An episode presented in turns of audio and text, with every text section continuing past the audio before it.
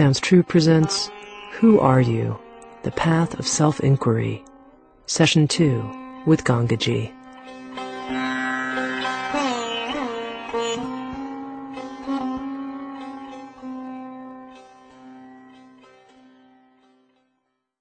The most common question that I get is how does someone realize this?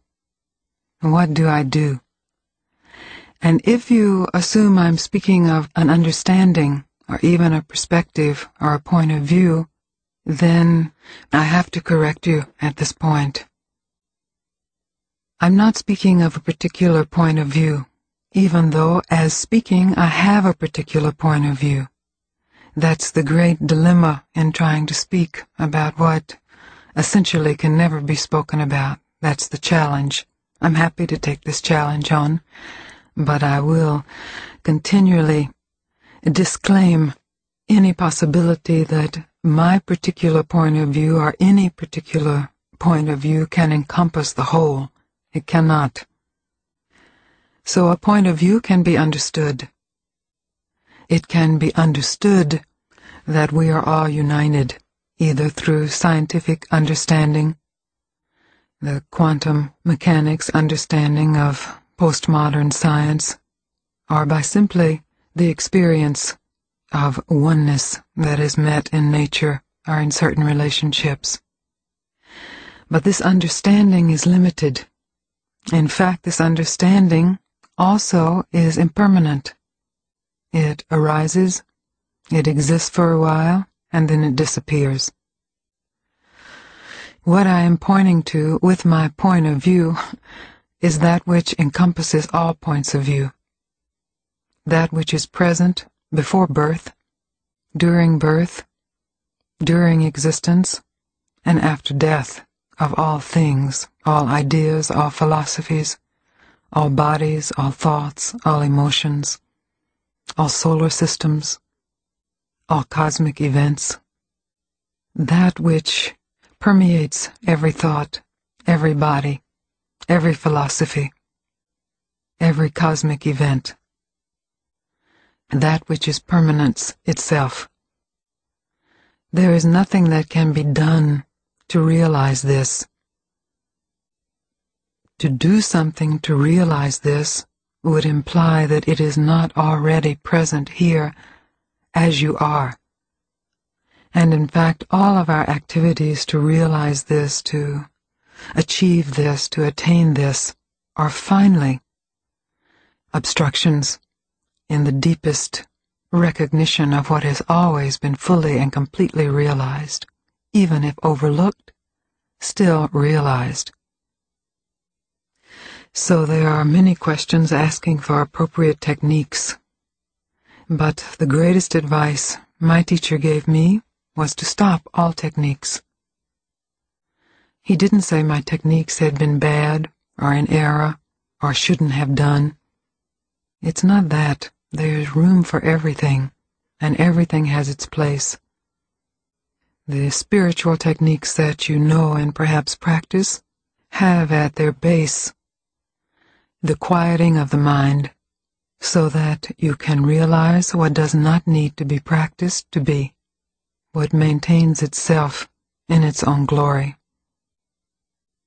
So I have no problem with spiritual techniques, spiritual practices, and I also have no great reverence for them. If they serve the purpose of stopping your mind, they are very strong allies, and you bow to them as allies. If, in fact, they serve the purpose of deepening the belief that you are someone in particular who practices something in particular to get something bigger in particular, then I say they are an obstruction. And in fact, they keep you spinning around yourself rather than allowing the deepening of you into yourself. So you can, in this moment, realize what does not need to be practiced to be. This is the easiest, the most simple, the most obvious truth.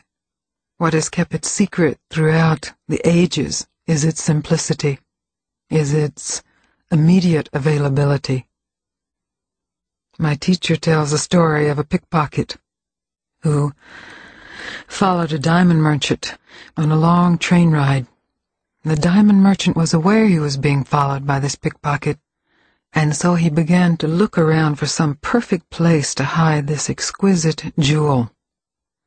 The pickpocket, after hours and hours on the train and in the same compartment with the man, was really frustrated. When the man had left the compartment, he had searched every place. And the man had returned to the compartment, in the pickpocket's expertise, he had searched the man's person. And still he did not find this gem that he knew to be in the man's possession. Finally, at the end of the long train ride, the diamond merchant left the train, smiling, and the pickpocket followed him.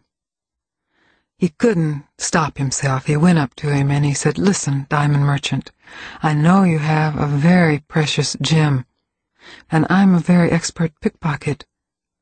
So if you could just tell me, where did you hide it? And the diamond merchant turned to him and said, I hid it in the place you were least likely to look, in your own pocket. And with that he reached his hand into the pickpocket's pocket and revealed the precious gem.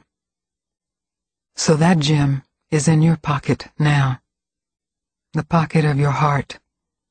And all of your practices, all of your strategies, all your techniques have been ways of searching, of trying to hack a path back to your own heart.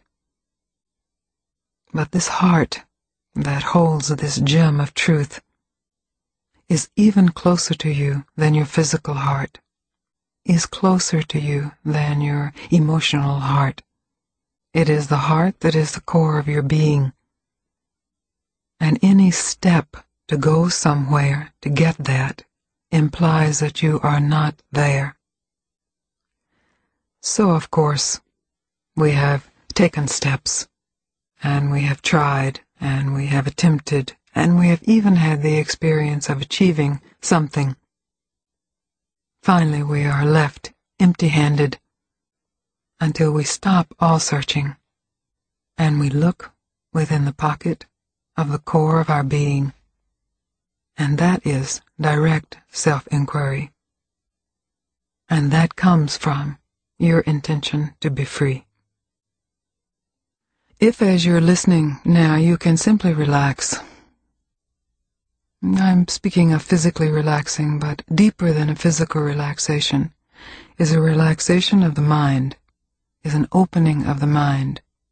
And in this relaxation, you can see all the effort it takes to keep the mind closed, to know something, whether this be to know that you are doing the right thing, or to know that you should be doing something different, if you can just relax that knowing, if you can just let it go. This is the purpose of all meditation. This is the purpose of all techniques. To allow you to finally let go your hold on conceptual thinking. Thinking based on the past, based on misidentification, and somehow how to get out of that misidentification.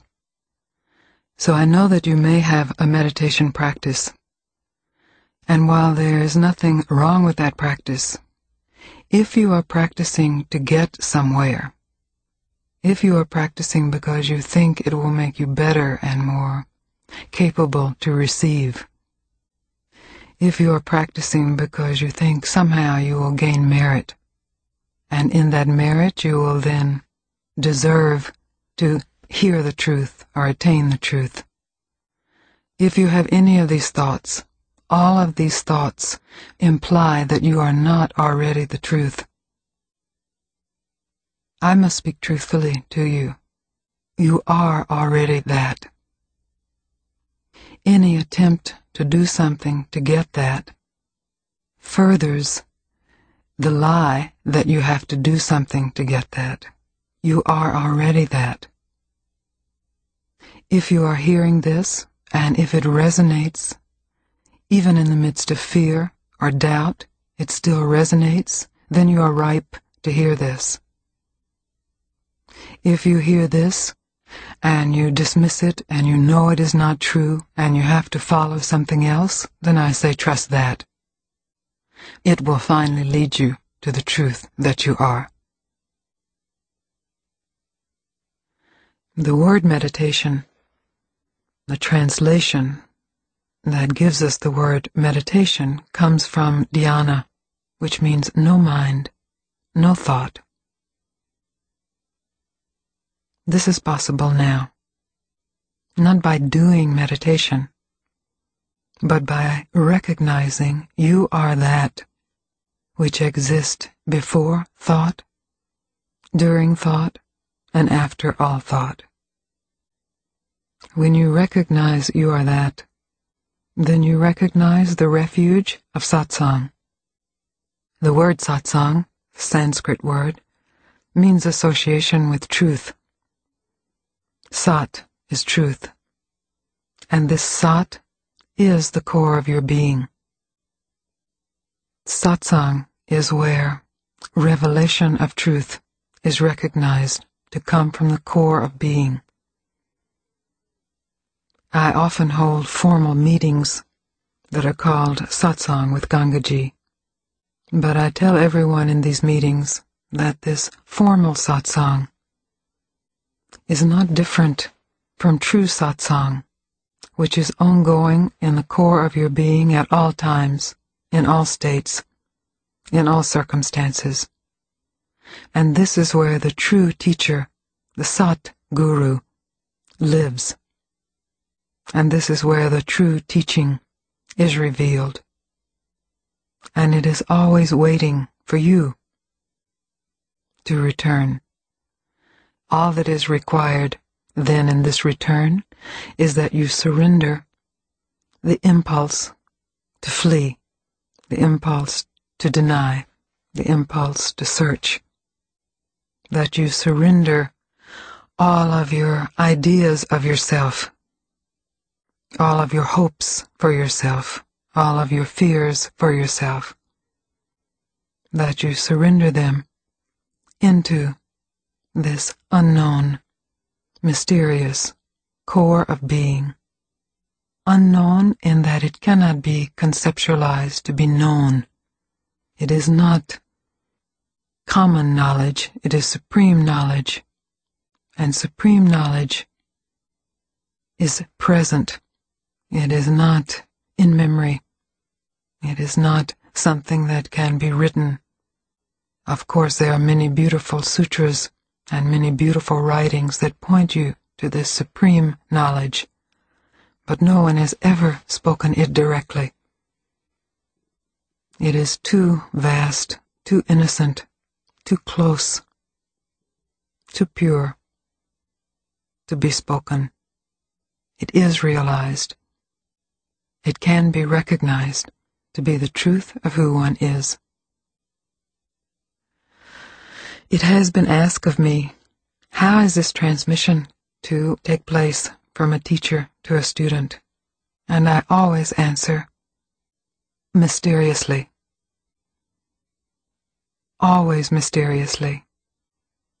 There is no way of knowing who will receive this transmission. It is a mystery of Leela. My teacher uses the word Leela.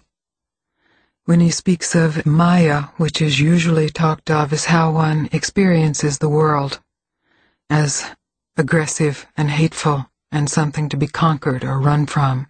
But when one awakens to the truth of oneself, then the world is experienced as Leela, the play of God. And this Leela plays very mysteriously very truly, and in devotion to your recognition. So what must you do to receive a transmission? It's very simple. Be open. Be true. Transmission will find you if you are open and true. You are irresistible in your openness and in your truth.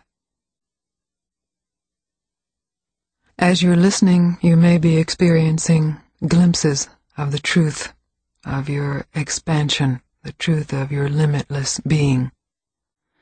Often, in the moment after this experience, there is the tendency to try to cling to the experience, to try to remember how one got there.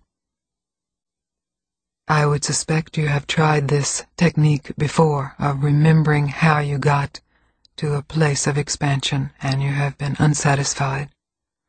The secret is to realize in this moment that which has never gone anyplace, that which is permanent. This must be realized, and then you realize what needs no maintenance for its being. In this realization, you know where true refuge is. You know where true retreat is. And you know that it is available for you 24 hours a day. The habit of the mind, when it comes in, if it has not been stopped fully and completely, is to immediately begin searching again for a lost moment for a moment that was filled with expansion but is now located in memory. If you look into your memory, you will be left unsatisfied. It is a beautiful memory. It's a memory to be respected, but it is a memory and therefore a concept.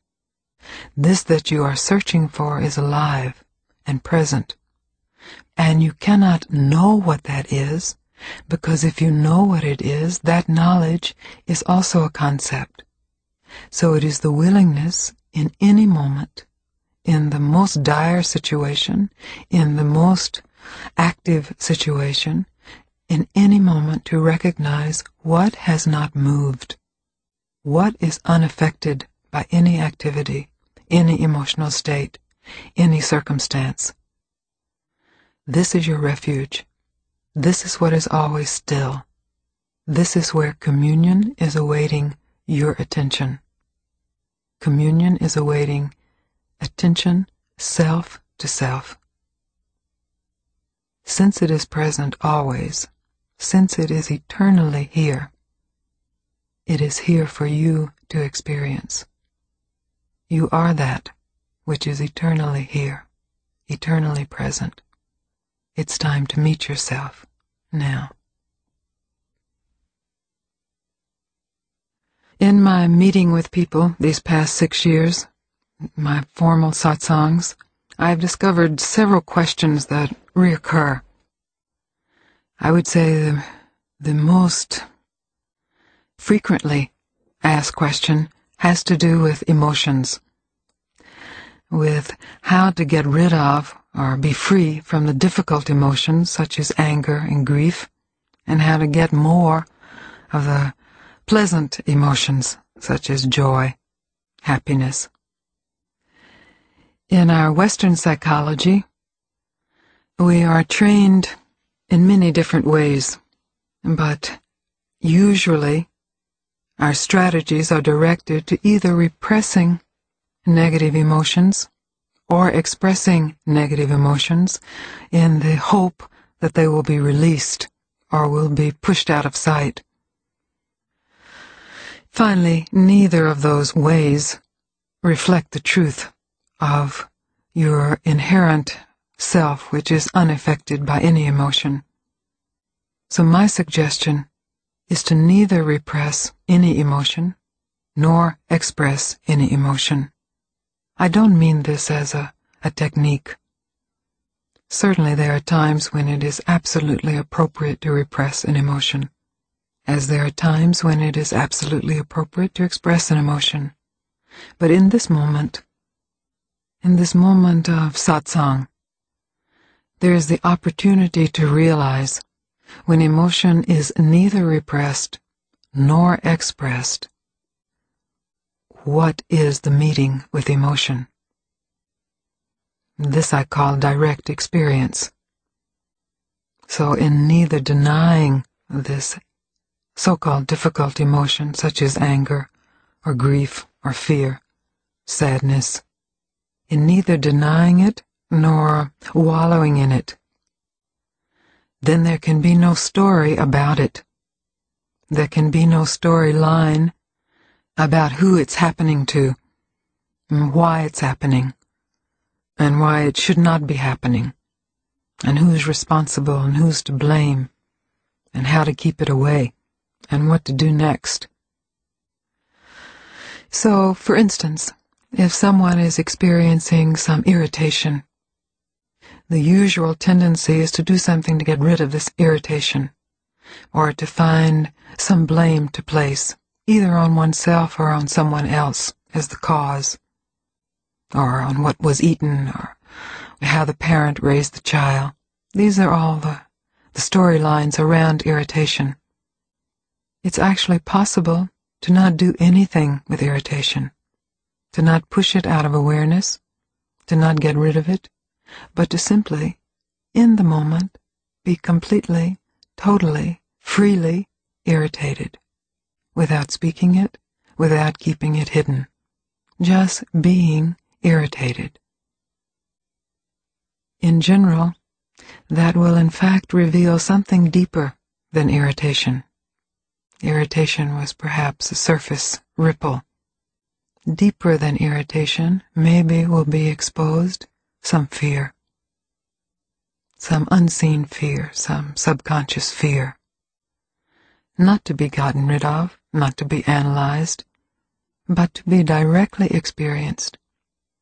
So in the moment that perhaps fear is experienced, to be absolutely, completely fearful. This is a big one. This is a big challenge. It is fear that we keep away. And of course, in this attempt to keep fear away, it grows larger. It hovers closer. So I'm suggesting that you can actually open to fear.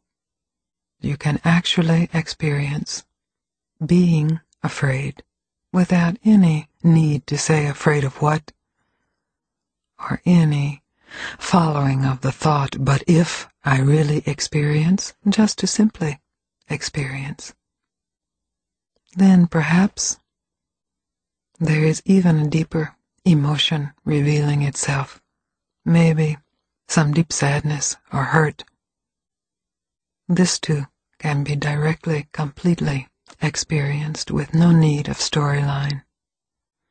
If you are willing to experience these emotional layers. Finally, you will approach a deep abyss, or what appears to the mind as a deep abyss, or even a black hole. This is what the mind perceives as nothingness, as emptiness, as no bodiness. This is a very important moment. To be willing to be absolutely nothing, nobody, is to be willing to be free, is to recognize in truth what this nothing, nobodiness is. And all of these other emotional states are layers of defense against this experience. It is this experience that is the experience of death that leads to or reveals true self-inquiry. Once the defenses are down, once the door is open, then this nothingness that has been run from in the mind is met fully. And this nothingness in this meeting reveals the secret gem of truth that has been hidden in the core of your own pocket all this time. So once again, in this willingness to directly experience what is arising, in this case a difficult emotion, there is the opportunity for direct self-inquiry, for not moving into what is common or usual, such as some story about me and my emotion, but instead simply discovering anger, grief, sadness, fear, directly, with no movement. I have to tell you it is a great discovery. And then I have to tell you you have to discover this for yourself.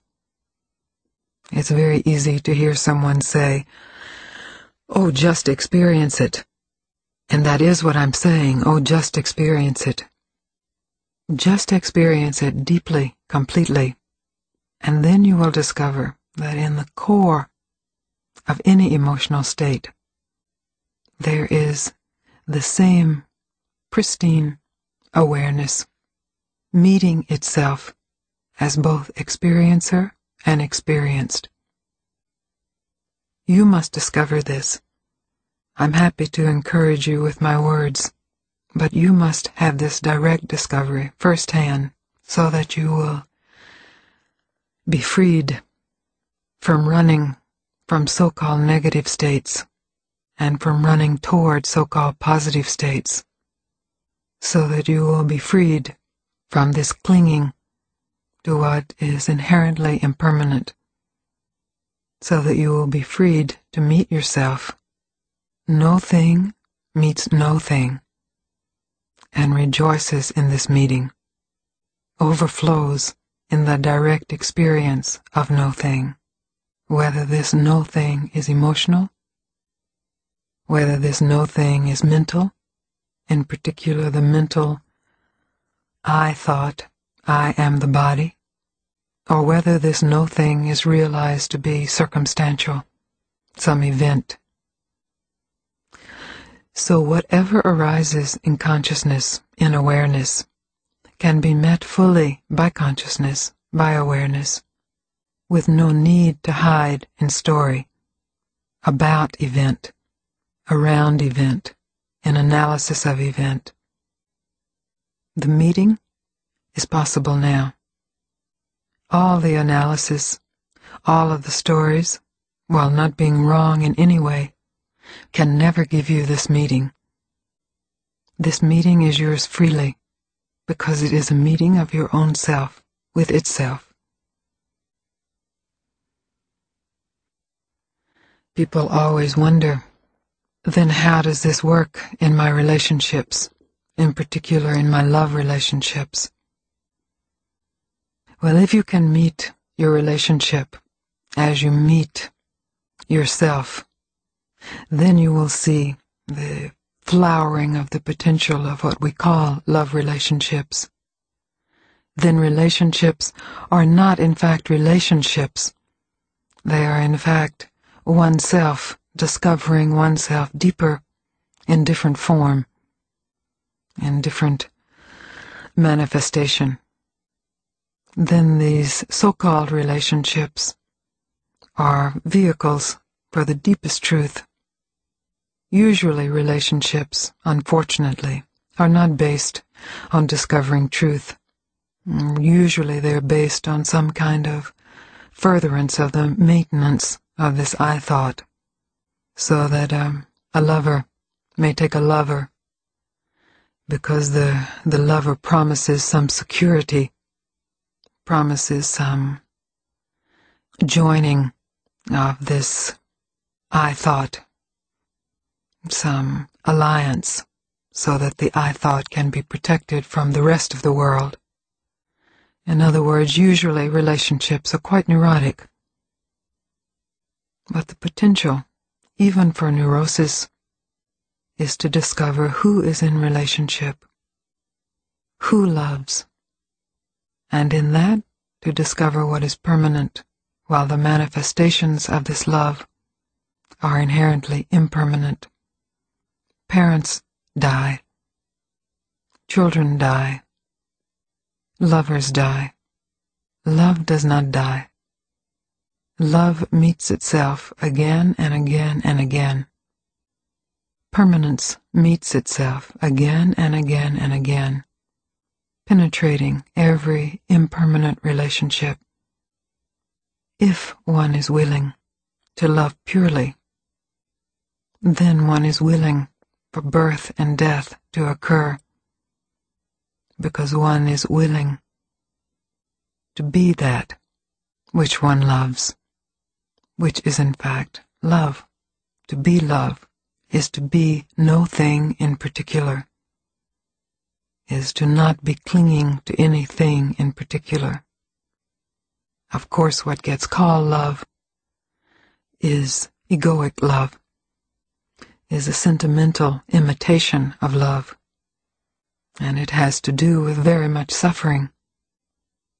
But what is true love? Does not cast suffering out, but embraces suffering to such a degree that suffering itself falls down, prostrate, bowing to the mystery and the magnificence and the permanence of love, while all of the objects of love come and go. This is the true marriage. When you as mind stream meet truth as ocean of love and bow before that and vow to serve that. This is true marriage and this is a true life that is lived in that marriage, in that service. I'd like to talk a little more about relationships, since this is where most people feel their attachments and their suffering. And you know, the basic problem in relationships is that you're trying to get something from someone else that is already present within you. This is reflected in parent-child relationship where a parent may hope that the child will finally give the parent fulfillment that it didn't experience, or the child hopes that the parent will give it fulfillment.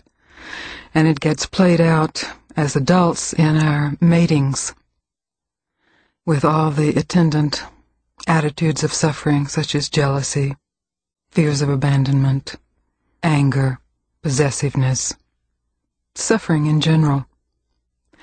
The opportunity in relationship is when these feelings arise after the first honeymoon of falling in love passes. When these feelings arise, the opportunity is to really not focus outside on other, the mate, to see how it can be fixed, but actually to turn inward and be willing to directly experience whatever it is is being avoided. So that if jealousy is a problem, if this arises, even if the partner is playing some covert or overt role in evoking this jealousy, just for the moment, rather than addressing the role the partner may be playing, if you can simply turn inside and experience fully, without moving, this jealous state under jealousy is something deeper, that the jealousy is some kind of defense against. Jealousy seems to me to be composed of fear and anger. So under the jealousy, there is a more primal emotion that can be directly experienced. And in the willingness to experience this, all kinds of insights may arise in terms of how you were treated as a child or what your first relationship was like with a lover. And that's interesting and can even be helpful. But if the focus is on simply experiencing what is being avoided, you will see then that jealousy, the role of jealousy, is to somehow keep your attention away from experiencing that fear or grief or abandonment or abyss of emptiness. And you will have the opportunity to actually experience that. When you are willing to experience ultimately emptiness, nothingness, then you are already free. Because all of the strategies are some kind of movement away from that experience. So this invitation is to experience that which all strategies work to keep you from experiencing. You experience that, and the truth is, in your direct experience of that, you realize boundless freedom. You realize that which you are searching for in this other is present right here where you are, regardless of other, and certainly regardless of other activity. Then, naturally, there is clarity. And whether you are to get rid of the lover or whether you are to be clear with the lover in terms of what boundaries must be set, in terms of what activity is acceptable or unacceptable. This all naturally comes from this deep insight of the truth of who you are. So what I'm saying is that This love that you are searching for everywhere is already present within you. It may be evoked by any number of events or any presence. A mountain can invoke this love. A sunset can invoke this love. Your beloved can evoke this love. Your guru can evoke this love. But finally, to realize you are this love, you have to be willing to follow where the evoking is pointing. And that is within you, that source of love. So in that sense, even the worst relationships are great teachers or great vehicles for the true teacher, the Satguru. I'm not condoning abusive relationships. Sometimes people misunderstand this and assume that I'm saying, well, you just accept whatever your partner does to you. I'm not saying that at all. I'm saying that clarity in relationship is responsibility. And responsibility, the very meaning of the word, is the ability to respond, not based on past, not based on fear, not based on control of other. So in your willingness to just stop for one moment and not follow the workings of the mind into attaching blame or attaching outcome, into attaching analysis, just to be still and completely experience what is arising. When you completely experience it without repressing it, without acting it out, you will see that it is nothing, that the jealousy or whatever other evoked emotion was only held together by thought, whether this thought be conscious thought or subconscious thought, preverbal thought. That's what holds together, that's the glue that holds these not quite primal emotions such as jealousy, anxiety, worry, holds guilt, holds those together. And when you are willing to cut the story and experience what is under the guilt, under the jealousy, under the anxiety, under the worry, then you have the opportunity to really directly experience pure emotion. And from that, you have the opportunity to experience pure emotionlessness. You know, in our culture in particular, people are quite happy to experience emotions somewhat because there's a sense of depth and a sense of freedom. But often this willingness to experience emotions is a cover for the fear of experiencing no emotion whatsoever. We have defined ourselves as emotional beings, and perhaps that is a step deeper than defining yourself as a, a purely mental being, but it is not all the way home. And what is avoided in defining yourself as an emotional being is this emotionlessness, this nothing, this emptiness. So that is the invitation. And when you are willing to experience that, and when you have experienced that, you know directly that who you are cannot be defined by any state of either emotion or non-emotion. And this is freedom. Then there's freedom for emotions to arise. They don't mean anything about who you are. And there's freedom for no motion, emotion to arise. The arising of no emotion also means nothing about who you are. Then you know directly that these emotional states, or these states of no emotion, are simply passing through who you are. This is self-inquiry. This is self-inquiry that is dealing directly with emotional states. And this is available for you. If your relationships are going well, it's available. If your relationships are not going well, it's available. Also, another question that is often asked is about work, such as, is it possible to realize your true self while working a regular job? Yes, definitely. it is possible. So you can remove that excuse from your notebook of excuses of why you can't quite realize your true self yet. It has nothing to do with your job. It is traditional, of course, for people to withdraw from jobs, from work, from daily life to retreat. And we have, of course, in all cultures, monastic communities. Yet, even in these monastic communities, there is the torment of the mind. So the retreat that is essential, at least for one instant in a lifetime, the essential retreat is the conscious retreating from everything, from your job, from your relationship, from your name, from your culture, from your religious aspirations, from your hopes, from your fears, and more, retreating from everything for one instant. This is what Ramana means when he gives his essential teaching, be still. Be still. This is retreat. You experience this in one instant and you experience yourself as you are, unclothed by any idea of who you are.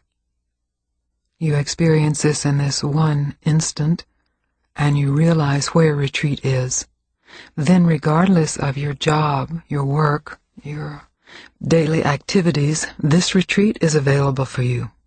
You didn't have to go anywhere to attend this retreat. This is the attendance to that which is always still within you, that which is always quiet. This can happen, must happen finally, in the midst of the busiest day. There's nothing wrong with taking time out for retreat. It's a great luxury, and it is certainly one that you have earned People have said, but I can't even take an instant, I can't take a second.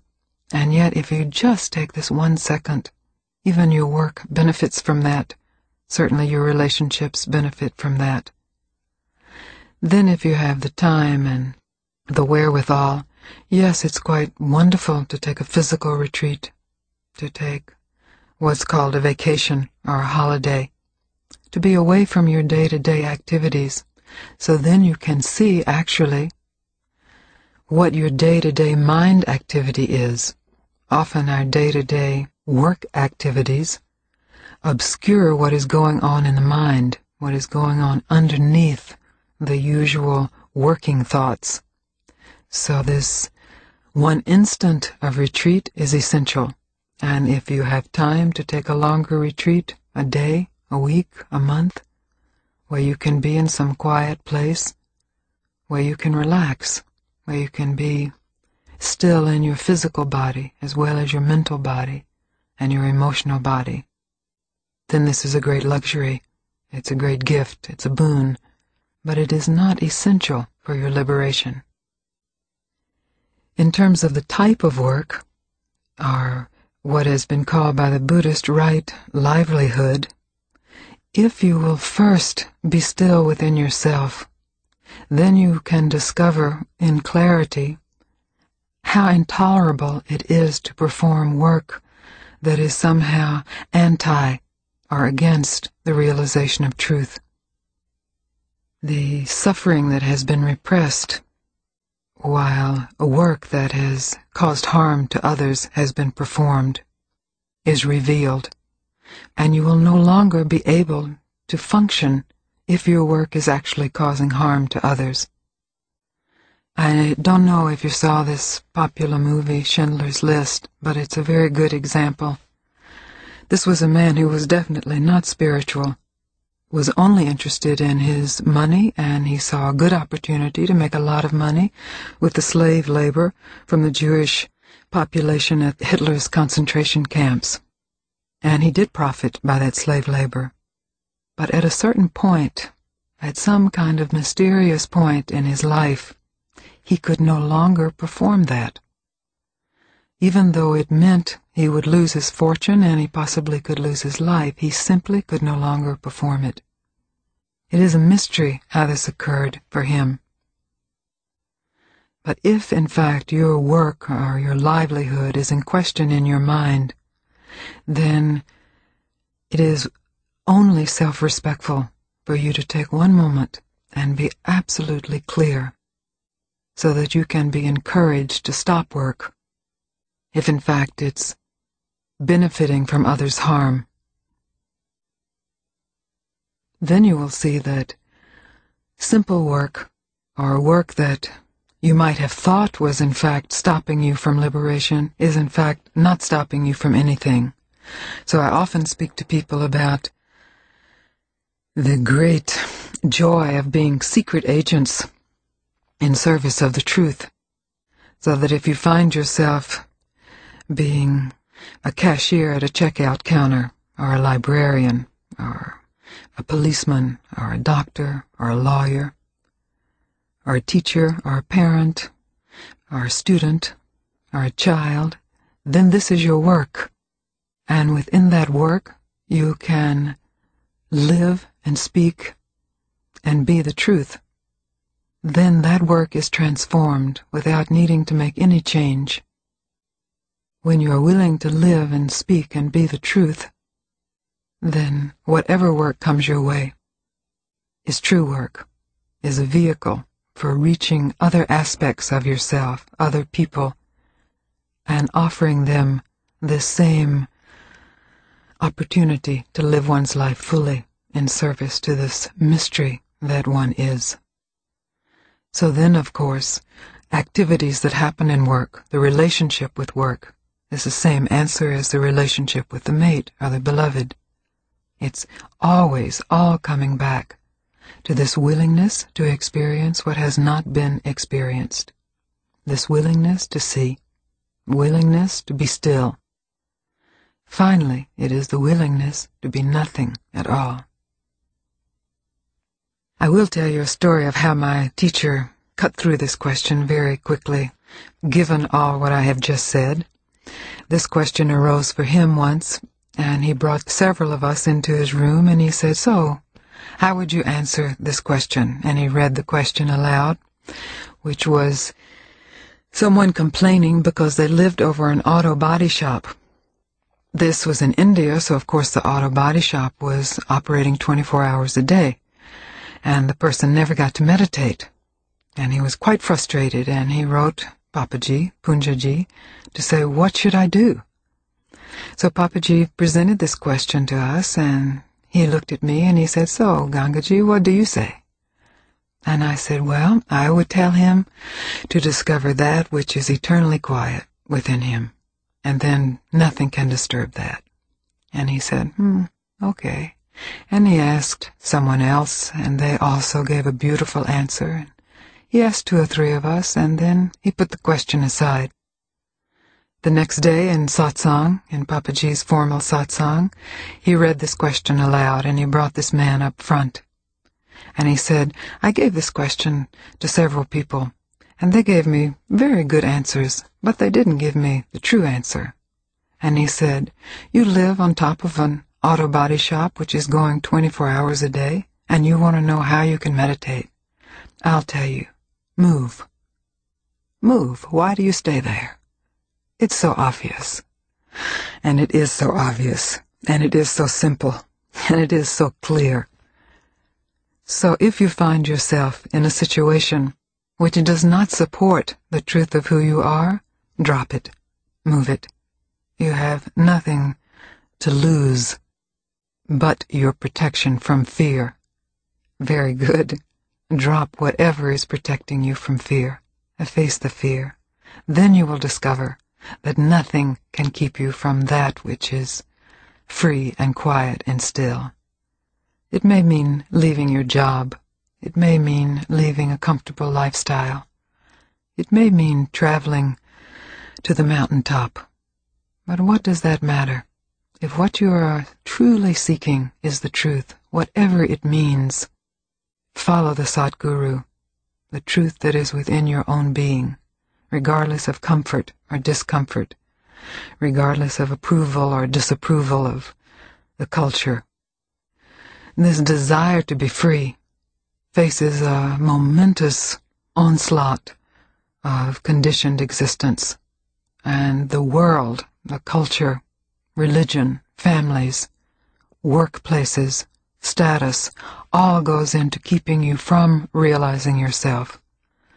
So there's a certain point where you have to be willing to be naked in the world, where you have to be willing to not know what your job should be, not know where you should be, not know who you should see, just to be open, just to be quiet, so that these demons of fear and anxiety and worry and the resulting activity of selling out and ignoring the truth of the Satguru, these activities can be done with.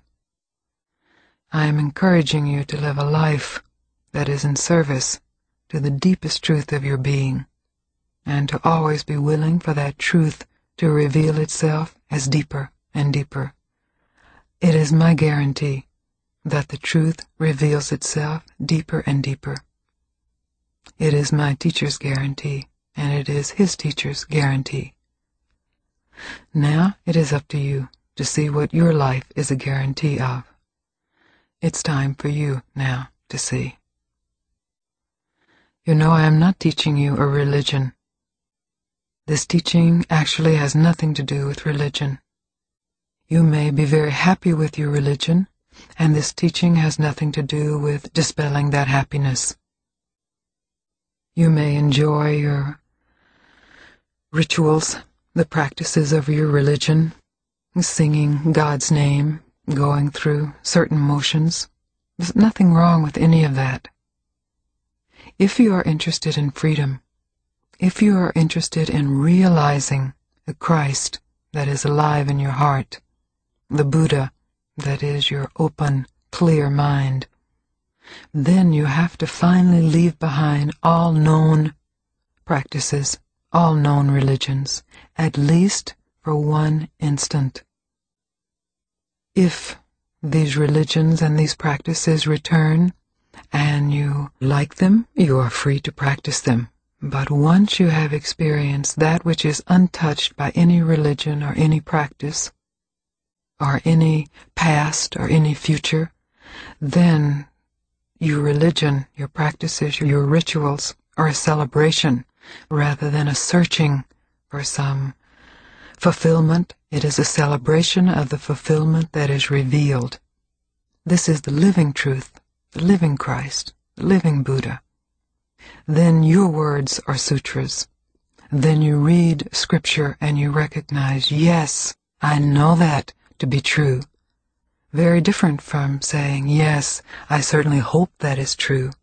Or, I don't know how that could be true. Or, I don't understand that. You know it to be true because it is your own heart speaking. So, while there is no problem with religions, per se, there is a problem if what you want is freedom and you are looking for it in a ritual. Freedom is free. It is not held any place. It is not held in these words. It is not held in any words. These words and many religious words and many spiritual words and many rituals and practices point to that which is fully, completely free. They point to who you are. Discover that, and then see. I have been asked if I am a guru or a head of a church or a head of a religion. I am definitely not a head of a religion, not a head of a church. And guru? Well, I don't know if I'm a guru. That's up to you. I told you at the beginning who I am. I am your own self. If you like to think of me as guru, that's up to you. If you like to think of me as sister, that's up to you. If you like to think of me as just some disembodied voice speaking to you through the marvels of technology, that's up to you. It doesn't matter to me. You can even think of me as your enemy. It doesn't matter. My function is to speak truly to you what I have realized. That's an invitation for you to speak truly to me what you have realized. And then your realization expands my realization. My realization expands your realization. And realization is realized to be the supreme non-activity of the mind of the self. That's the function of a true teacher. People have often asked me what my life is like now, what my everyday experience is like. My life is very ordinary. My life is not an extraordinary life in terms of day to day activity. I have certain things I like. I like to walk. I like to swim. I enjoy a good movie. I like a good meal. I love being in nature. And I enjoy the activity of the marketplace often. How these teachings have changed my life is radical. Before I met Papaji, before, through his grace, my mind was stopped so that I could realize the truth of my being, every activity in this life was a searching for some fulfillment or self-definition, whether it was searching in the bliss of being in nature, or in the bliss of relationship, or in the mundane bliss of acquisition. It was always a searching for who am I? And always a searching for a positive answer to that, and a running from the negative answer to that. I'm not searching for that now.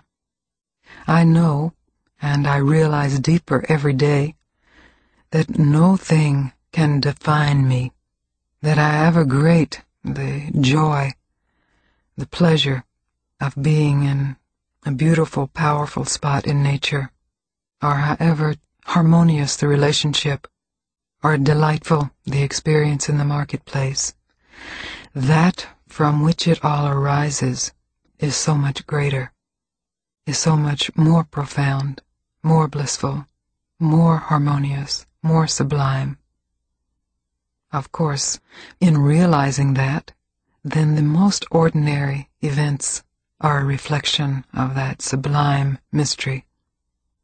So my day-to-day life, while being very ordinary on the outside, is one of deep reverence for my teacher, who pointed me in this direction, for his teacher, who continues to deepen the pointing, and for all aspects of myself, including you listening to this, who evoke deeper and deeper realization while challenging the speaking of this realization, while playing in the lila of this realization, just in day to day activities, just in walking down the street, just in eyes meeting just for an instant, no need of any personal relationship, no need of any conquest, no need of reaching for fulfillment.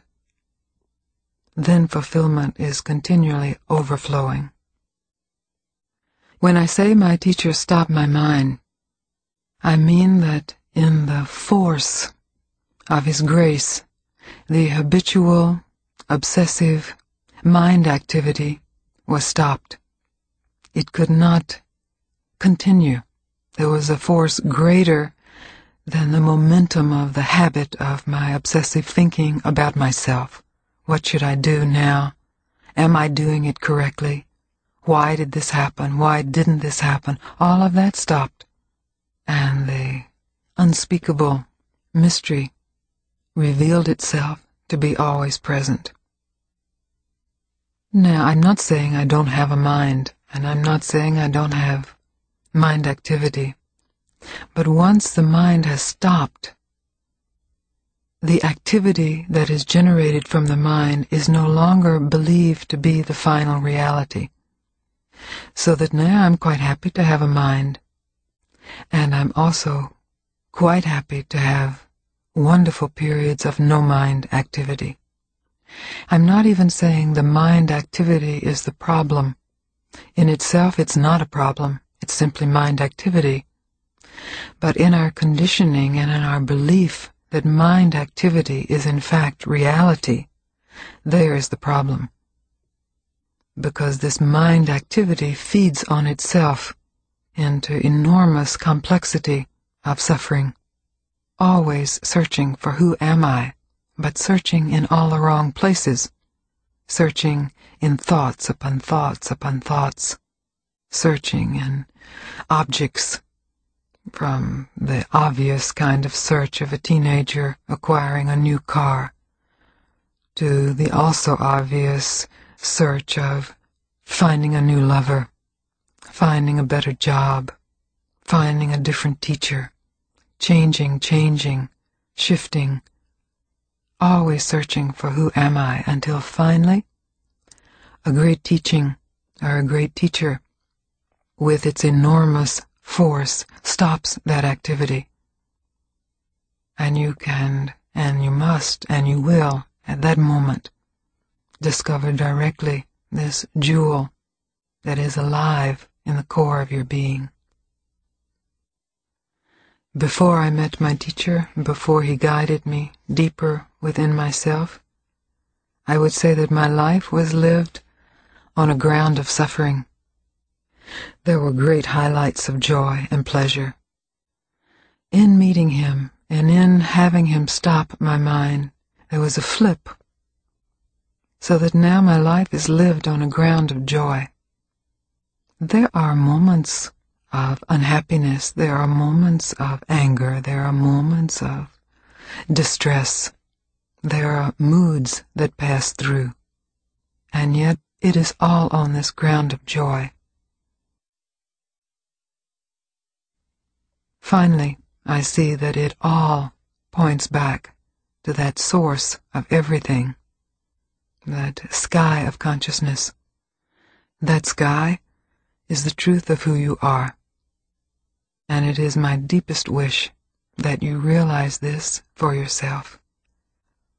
And in this realization, that you then share this with everyone, verbally or not verbally, but sharing it in your being with everyone who comes near you or even hears of you.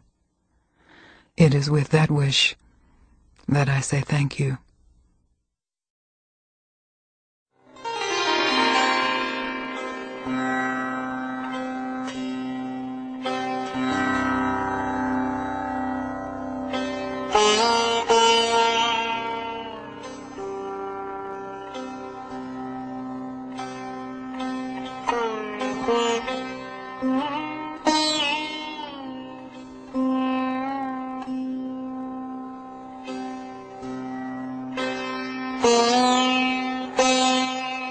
This concludes Who Are You?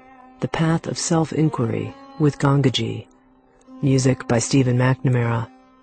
For more information about Gangaji, her retreat schedule, or to order her books and tapes, please contact the Gangaji Foundation at www.gangaji.org. If you would like additional copies of this audio learning program, or to receive a free catalog of wisdom teachings for the inner life, please contact Sounds True, www.soundstrue.com, or call us toll free, 1 800 333 9185, or write the Sounds True catalog, P.O. Box 8010, Boulder, Colorado 80306. Thank you for listening.